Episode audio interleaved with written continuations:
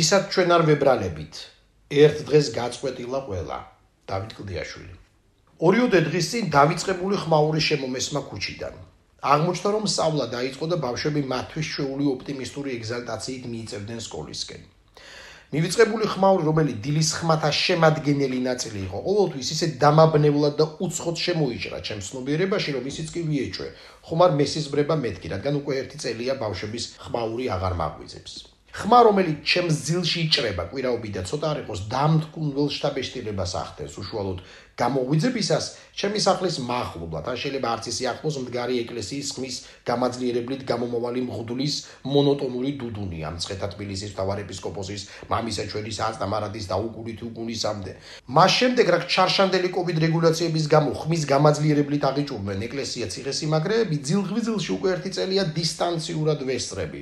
სეკულარულ ყოფაში შემოსულ წირვებს და დროდადრო მოწყენილ მგალობელ გოგონებთან ერთად მღერი უნებლიეთ ამინ მოკლედ გარეხმა აქამდე მხოლოდ ეს იყო. ახლა კი როგორც იქნა მოსწავლე ახალგაზრდობის მაჟორულ ქაოტური ჭიპინიც დამიბრუნდა რაც უცხოელად რომ თქვა ადრე ცოტა მაღიზიანებდა კიდეც მაგრამ ამჯერად ბედნიერ კამერტონად გადაეცა მთელ დღეს მართალია ჩემი ასაკის უზომოდ მადლიერი ვარ რომ კლავაც სკოლაში არ მიწევს სიარული ცხოვრება რომ სკოლა ეს სხვა საკითხია მაგრამ დაუჯერებლად წარმოუდგენლად მიხარია ცოცხალ პროცესში ჩაბმული ბავშვების ხმის გაგონება რომლებიც დროებით მაინც დააღწევენ თავს მელანქოლიითა და მარტობით დამძიმებულ უენერგიო ვირტუალურ გაკვეთილებს.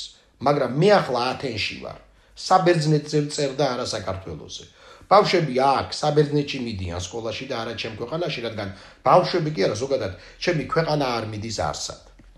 იმის მიუხედავად რომ აქაც კოვიდია და ეპიდემია არსად წასულა საბერძნეთიდან ხალხს ნამდვილად არავინ ჩაგრავს. ჩვენგან განსხვავებით აქ ლოგიკურად მოცემული სიტუაციისათვის ადეკვატური თანმიმდევრულობით და თვითშეგნებით გააზრებულად უმკლავდებოდნენ და უმკლავდებიან ეპიდემიას და ამიტომ ჩვენზე ბევრად, ბევრად ბედნიერად ცხოვრობენ ადამიანები.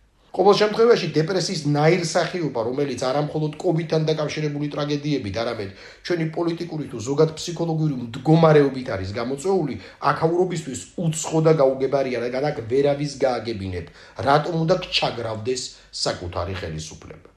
რატომ უნდა იხდიდი ამ ხელა ფას ხელისუფლების ცნობიერ შეცდომებში?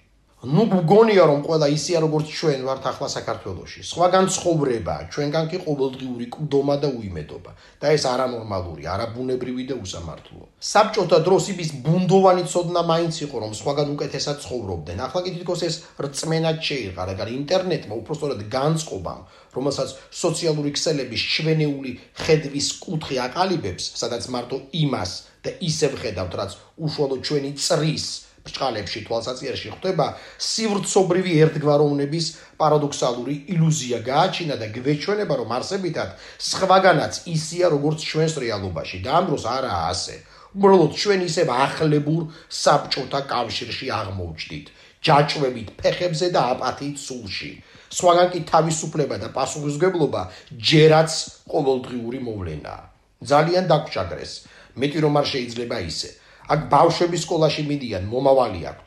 მე კი ისე მლოცველი ხმის გამაძლიერებლით უნდა დავიწყო დილა. საწინააღმდეგო არაფერი მაქვს, მაგრამ ნუ თუ ახლა მხოლოდ ესაა საქართველო. დიაკონის ხმა დინამიკებში და ჩვენი დრამატული ყოფისთვის შეუსაბამო ატომური ბომბის აფეთქების მსგავსი ღამეული სალუტები კერძო წვეულებებზე. ნუ თუ დიდი ხნით ჩაჩუნდა ყველა სხვა ხმაური